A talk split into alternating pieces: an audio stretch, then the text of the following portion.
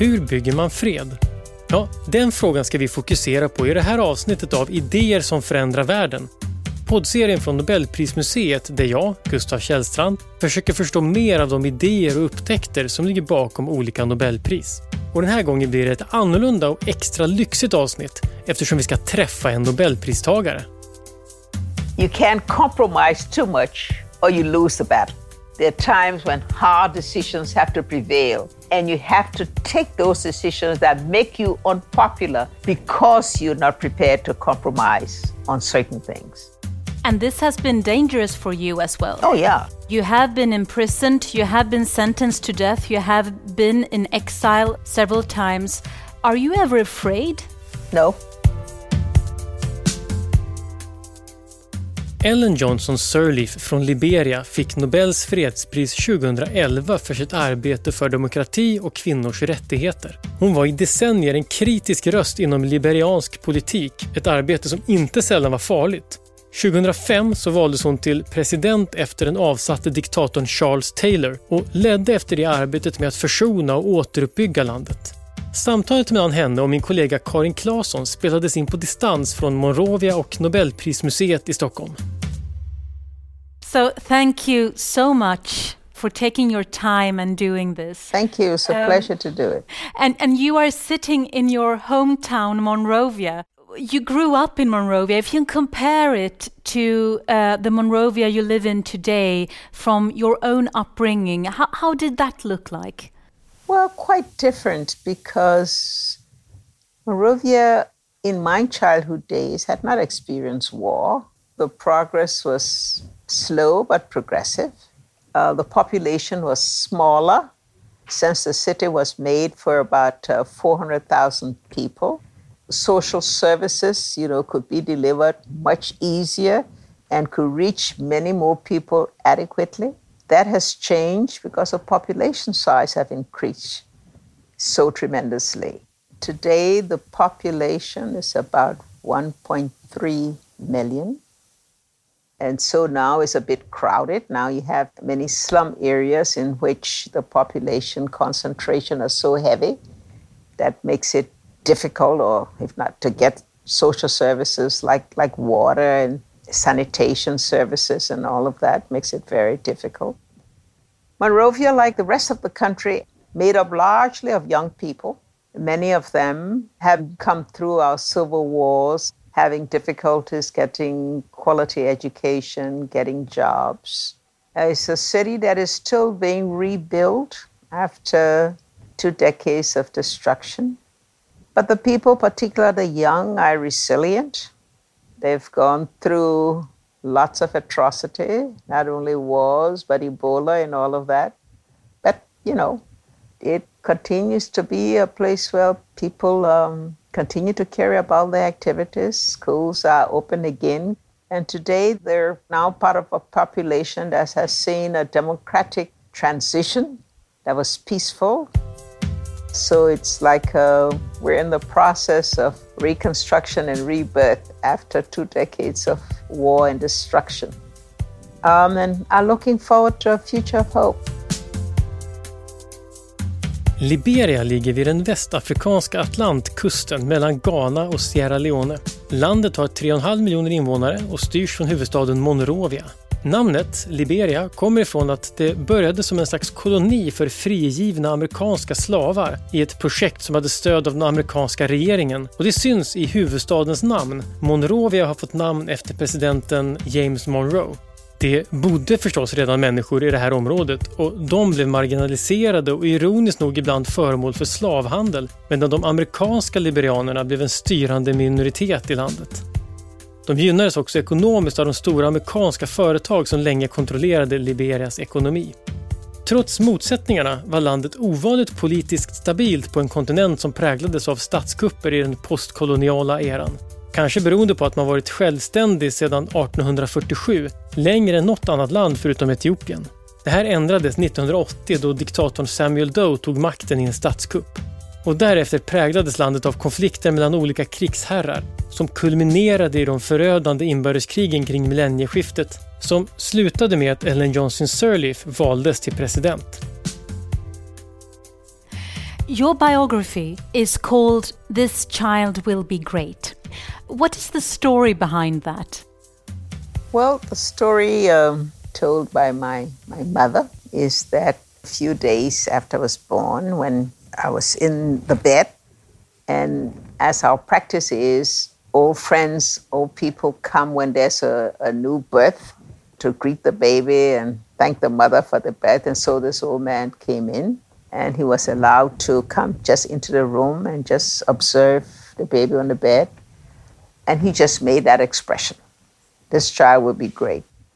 For us, it didn't mean very much, you know, nor, nor we could fathom, you know, how that would play out in my life. And so in the days that followed, there was nothing that said his prediction would be true. My life was very ordinary. I had all the difficulties like any other young person, any other young child. But as things progressed and I became more activist and became more educated and more vocal, so my climb up the ladder of success was a long one.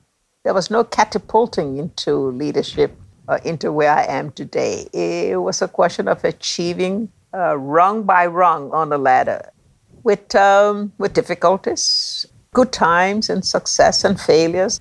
And so we progressed until where we, where we are today. And when the book went to the publishers, when I was asked for what title I wanted, my title was Beating the Odds, because I thought I'd gone through a long, hard life to get where I was, and it took a while to beat the odds.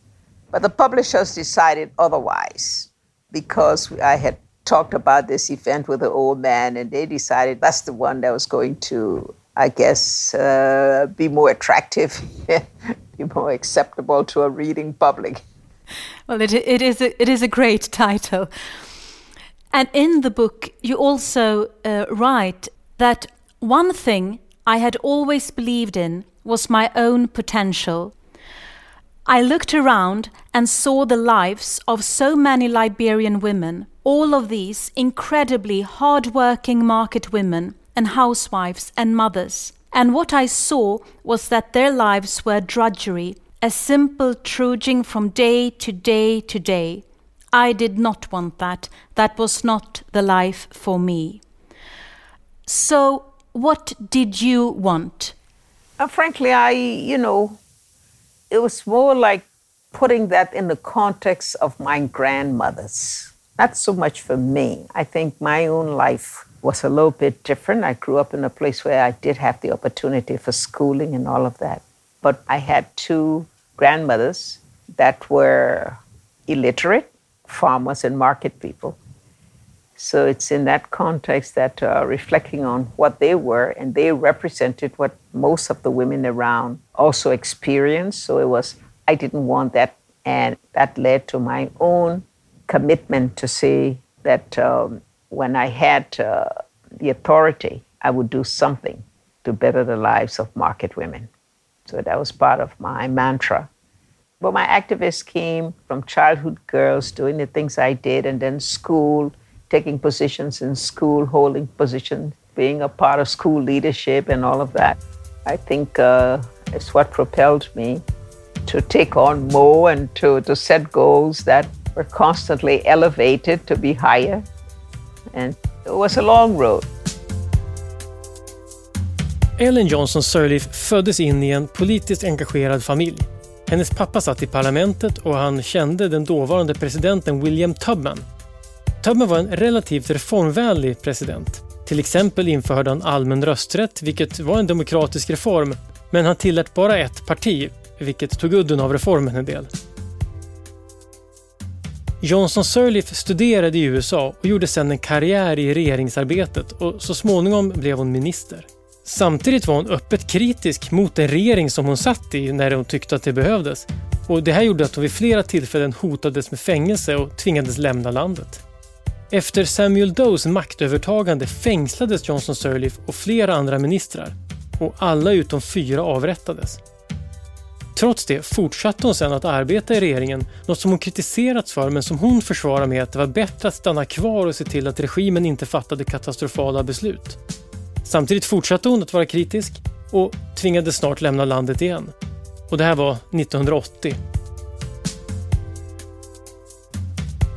But I'm thinking of if you have the courage to resist and still being in politics as you have been, always then in a situation where compromising is necessary.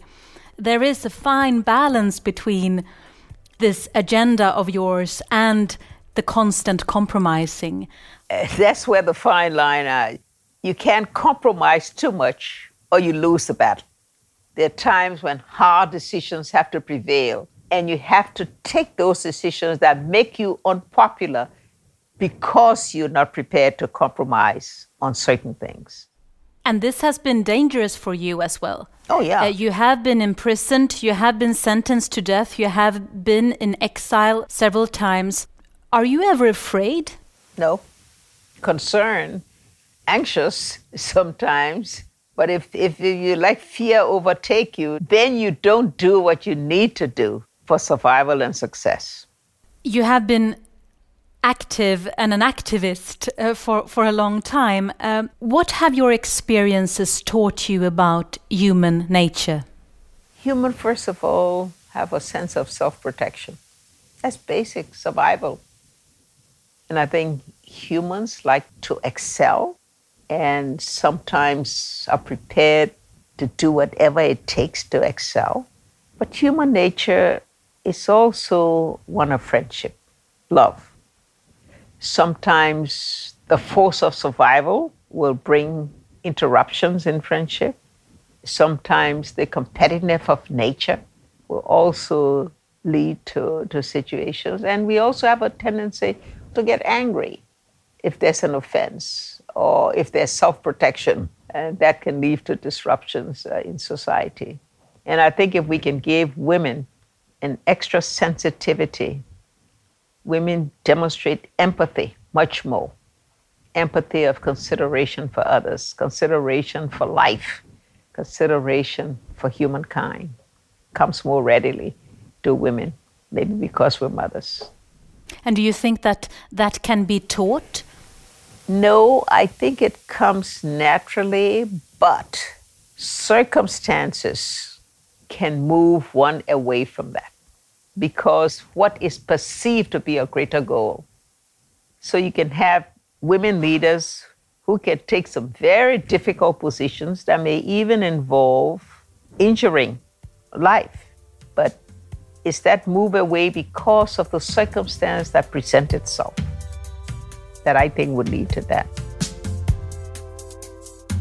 1984 blev politiska partier tillåtna i Liberia och Johnson Sirleaf återvände för att bilda ett parti och ställa upp som vicepresidentkandidat i valet. Som vanligt drog hon sig inte för att peka ut grymheter och övergrepp från den rådande regimen och den här gången sattes hon faktiskt i fängelse och dömdes till tio års hårt straffarbete. Tack vare internationella kontakter kunde hon bli fri Bland annat så höll Ronald Reagans regering inne allt bistånd till Liberia tills dess att hon släpptes. Men hon fick också under den här tiden stöd från gräsrötter, bland annat lokala kvinnoorganisationer och det här stödet skulle visa sig viktigt. Och att hon släpptes blev också ett tecken på att protester mot de styrande kunde löna sig. Glädjen efter frisläppandet blev kortvarig. Efter ett misslyckat kuppförsök grep Samuel Doe flera av sina politiska motståndare och nu dömdes Johnson Sirleaf till döden. Men när avrättningen skulle verkställas i presidentpalatset så fördes hon istället i säkerhet av soldaterna som skulle ta henne dit. Och kort därefter så benådades hon. Och I det här läget så valde hon att lämna Liberia igen och började istället jobba på en stor bank i USA. I always say failure is the flip side of success. If you don't know failure, you can't appreciate success because the failure enables you to go through what you did, judge yourself, find out what it is, and you come back stronger, more competitive, more capacity to achieve your goal. Uh, what would you say have been the main challenges in your in your work? The most difficult was to be taken for what you are and what you were. There's always that look of doubt and suspicion if you're in a male dominated society as to whether you're up to it You have to overcome that with a certain amount of firmness, or sometimes even aggressiveness, which, you know, in practical terms, in a Liberian context, one of the most difficult things for me was the rape issue for young girls. Uh, something that we fought so hard to overcome, and it's still a problem today. I mean, we made uh, rape an unbailable defense. Anybody accused of rape could go straight to prison. But we still fell short of succeeding because compromises were made. Gathering the evidence for that is always difficult. So, so those those are some of the real challenges that that we face in society. Uh, of course, if you may say, uh, the challenge of just being able to achieve your goals in the lack of deficiency in resources and capacity. You can dream big, but to achieve it, one has to have the wherewithal to do it. For those in poor countries, the very issue of poverty is a major challenge. And I believe in, in these latter years, our greatest challenge is the challenge of youth. Even if we have educational systems, how do they get the jobs once they've graduated? Big challenges for any leader, definitely in Africa, but I suppose in most other places as well. And in your work, um, equality is a key word. Why do you think that equality has been such a key uh, word for you? Because equality has been missing for women the world over, not just Liberia. You know, it has historical roots, it has religious roots, and that have not enabled women to achieve their full potential and to be granted all the rights and opportunities in any society. Women have always been looked at as mothers, the ones who take care of children. And yes, we do, and we should, and we do it well. But we also aspire to, because we have the same knowledge and courage and stamina and commitment like the men. But the stereotyping, we've always faced that as to the role you should play and the role that you've been forced to be. So it, it takes a while to break that.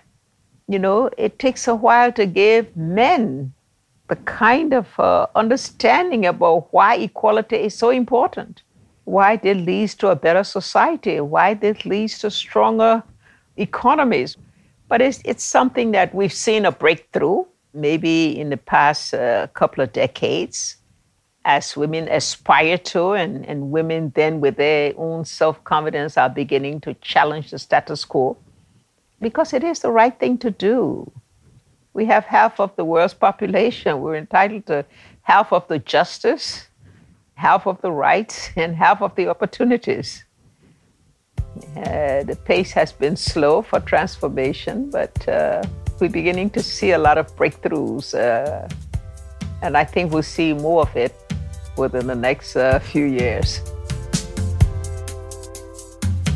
På julafton 1989 utbröt inbördeskrig i Liberia när krigsherrarna Charles Taylor och Prince Johnson gjorde uppror mot Samuel Doe. Efter att Doe mördats vände sig Taylor och Johnson mot varandra. Det här kriget kom att pågå fram till 1997 och under tiden begicks oerhörda övergrepp från båda sidor. Bland det mest tragiska var att Charles Taylor systematiskt använde sig av barnsoldater. Till en början så stödde Johnson Sirleaf Charles Taylor, som hon såg som en positiv förändring efter Samuel Doe men snart, när hon förstod vilka metoder han använde, så tog hon avstånd från honom och hon har i efterhand bett om ursäkt för det här stödet. 1997 tilläts allmänna val och Johnson Sirleaf ställde upp mot Taylor och förlorade. Det var en besvikelse men hon pekar på att det inte var särskilt förvånande. Befolkningen förstod att han ändå inte skulle acceptera något annat resultat, så den enda chansen att få slut på kriget, det var att rösta på honom. Efter valförlusten arbetade Johnson Sirleaf vidare för förändring, fast i exil. Först 2003 började situationen förändras. George W Bush fördömde Charles Taylors ledarskap hårt och det kom ett ökat tryck på hans avgång, inte minst inom landet. Till sist förhandlades ett fredsavtal fram mellan Taylor, de andra krigsherrarna och representanter för befolkningen. Och enligt det här avtalet måste Taylor avgå. Det gjorde han också i augusti 2003 och då ersattes han av först en övergångsregering som Johnson Sirleaf var en del av och sen av en demokratiskt vald regering efter de första fria valen i Liberia 2005. Och i de valen vann Johnson Sirleaf en tydlig seger och blev därmed inte bara Liberias utan Afrikas första kvinnliga statschef. Oh, it was a great day. I mean, crowds were hilarious. I had people come from all over the world to be a part of that inauguration. It was, after all, a major event as the first woman democratically elected. African leaders came, uh, leaders from Europe, the United States, China, and all. They all were here. You know, it was it was just a great event. I think perhaps one of the biggest things for me, perhaps, was that, you know, once I had taken the oath and we left, I decided to walk on the streets, and the crowds followed walking with me. So I think that that was exceptional and that that was um, memorable. And this is also an extraordinary example of the power of collaboration and persistence. Liberian women started to organize to stop war and violence. Can you please tell us something about this movement that actually did lead to ceasefire and, and eventually peace? Let me put it in the historical context of the fact that Liberia has always had strong women. Not women in power, but women with position and strength to be noticed and to be paid attention to.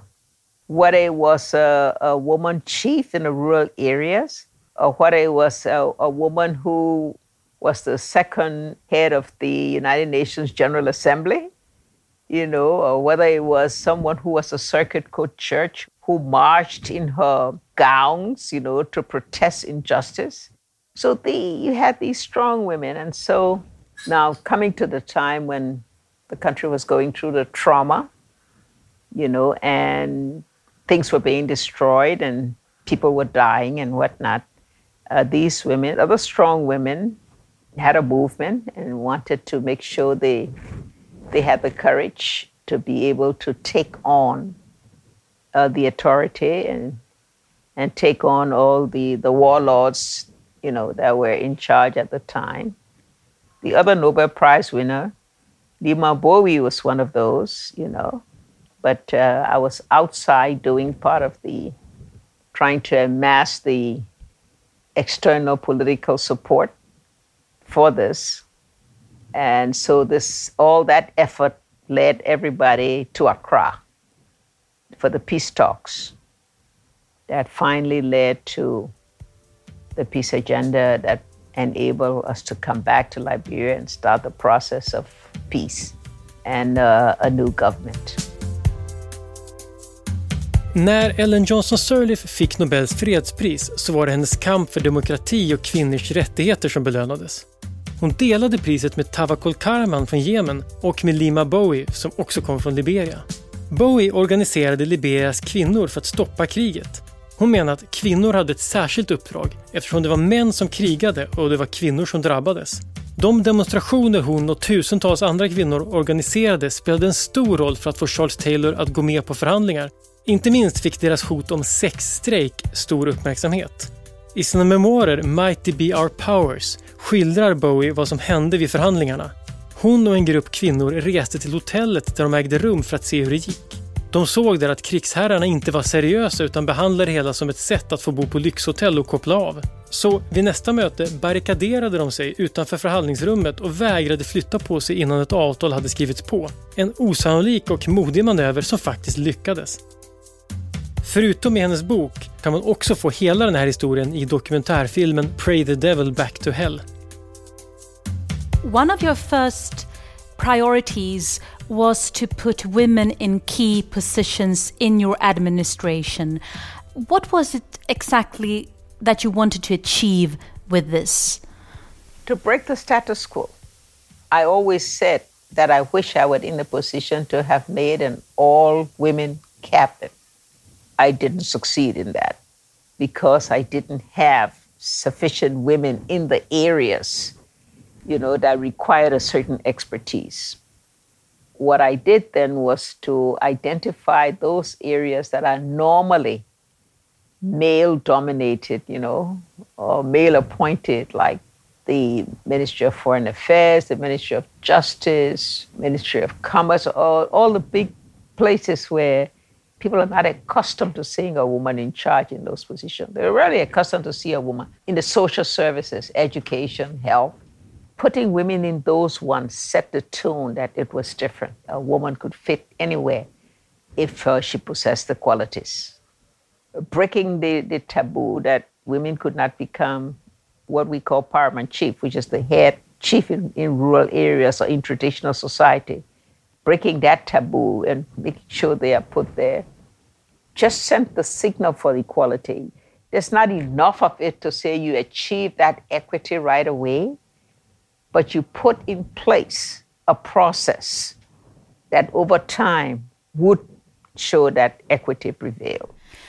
Um, I will quote you, and I think this is connected to your political career uh, specifically.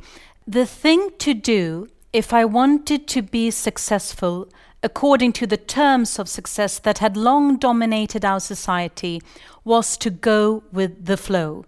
But I could not do that. Why uh, was it hard to go with the flow? Um, I faced a situation in which we had earned the peace with women at the forefront of the effort were now in authority as the presidency, but had to accept the fact that you had a structure that included many of the same perpetrators of war, because they too had exercised their right to elective office and enjoy the will of their people.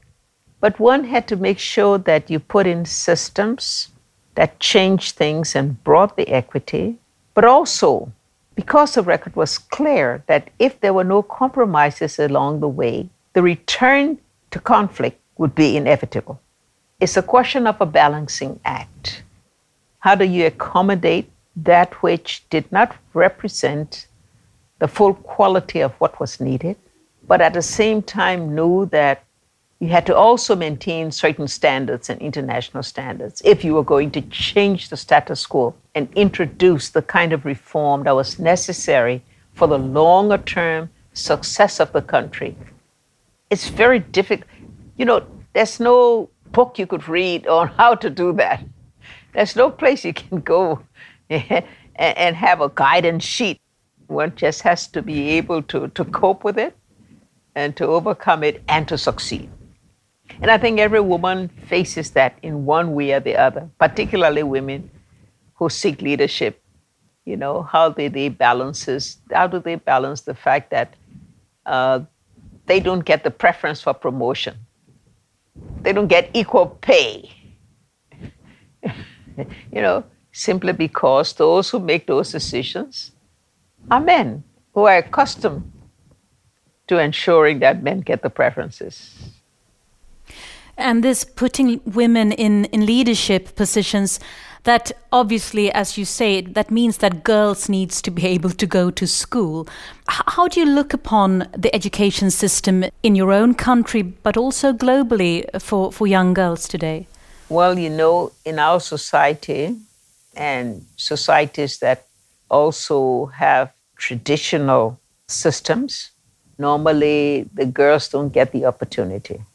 Girls go with their mothers to the farm. Girls go with their mother to markets. And even when through laws or affirmative action, girls get an education because in our societies, uh, families are poor. The girl, even if she gets to a certain level, retention in school becomes a major problem, whether it's through early pregnancy or some of our customary habits that keep women from going further. We were able in Liberia to to make primary education free. That enabled parents to send more kids to school, um, ensuring that we had in rural administrative offices women, young girls could see, and really just beginning to communicate with people to change the laws, to encourage people, and also the symbol of myself, of what, what was possible itself, you know, had a motivating effect on the women about the potential of their daughters, and even on fathers about the potential of their daughters. So we almost reached a parity between girls and boys up to the primary level. So we knew that the message was getting through. Girls were going to school, were getting out of the markets, out of the marketplace. And in places where we built markets for the women, while the mothers were doing their trade, the young girls who had they carried could go to school in the same place. Childhood wanted, could be taught while their mothers were in markets doing business. Under sin tid som president arbetade Johnson Sirleaf för att bygga upp landet igen efter de förödande krigen. En viktig del i det var den kommission för sanning och försoning som hon skapade och som arbetade med att utreda de övergrepp som begicks under kriget. Ett annat viktigt arbete som även Lima Bowie deltog i handlar om att återföra barnsoldater till samhället. Som president har Johnson Sirleaf också genomfört demokratireformer. Valen har blivit säkrare och hon har infört tryckfrihetslagar. Hon har också höjt Liberias anseende internationellt. Tidningar som Newsweek och Time har utnämnt henne till en av de tio bästa ledarna i världen. Och The Guardian skrev att hon var den bästa president Liberia någonsin haft. 2018 lämnade Johnson Sirleaf presidentämbetet efter två mandatperioder. Och nu arbetar hon med en stiftelse som främjar afrikanska kvinnors rättigheter och möjligheter att delta i politik och näringsliv. You have the last year been co-chair at the World Health Organization's independent panel for pandemics preparedness and response. What does this engagement mean? Uh, we've been tasked to find out what happened. Why was the world unprepared for this pandemic? What are the processes that went wrong? What impact does it have on the world today? And perhaps more importantly, how can we come up with evidence based suggestions as to how you can be prepared to ensure that it doesn't happen again? And so our approach is, first of all, to look at the past. I mean, we've had, we've had pandemics before, but COVID 19, of course, as they call it, SARS 2, has been more intense, greater reach than any. So, how do we look at the past, first of all, of previous pandemics and what conditions prevailed? And now the present. How do things change that made it happen? the big part is how strong are going to be the impact, not only in terms of health, but in terms of the economy, social welfare, equity. What will that impact be? We hope that our recommendations will be bold, and then we go look at the international system. That's part of it. What has happened with the international system? How had the system reacted to all of this? Did we have an international system that itself had the equity, the balance, the knowledge, the interconnectivity, particularly in the midst of what's now is a technological? What happened?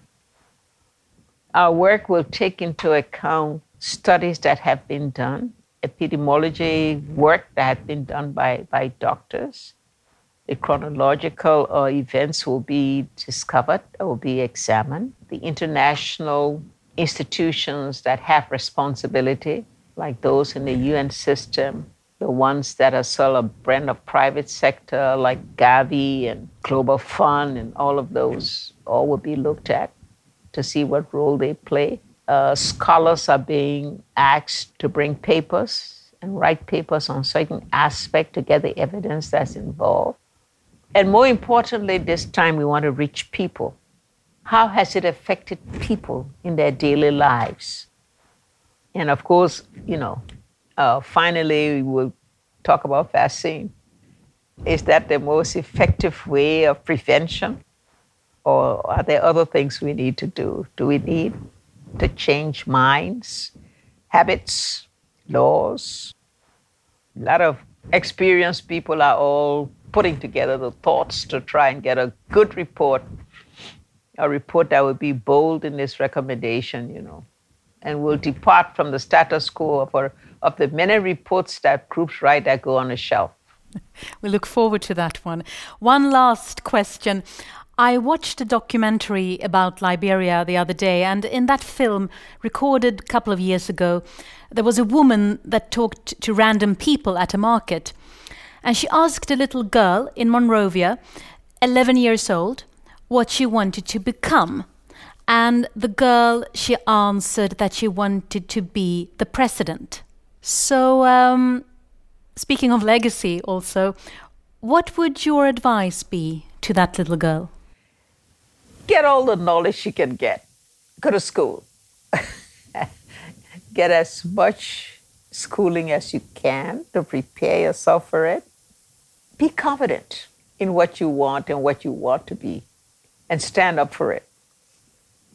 And as you grow older, set the goals. Decide what you want to be and be prepared to pursue it and stay the course. And don't be afraid of obstacles. You can overcome it. Just believe in yourself and believe in what you want to be and be prepared to go for it. Great advice to us all. Thank you so much, Madam President. It was a pleasure and a privilege. Thank you for taking the time.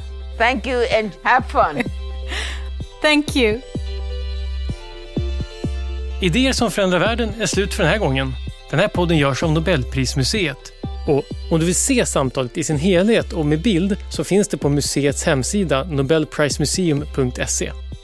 Och vill du veta mer om Nobelpristagarna och deras arbete så gå gärna till Nobelprisets hemsida nobelprice.org.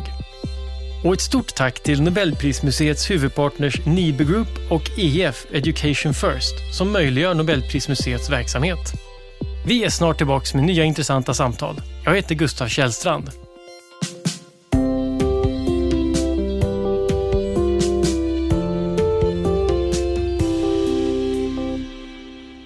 Idéer som förändrar världen produceras av Filt Hinterland för Nobel Prize Museum.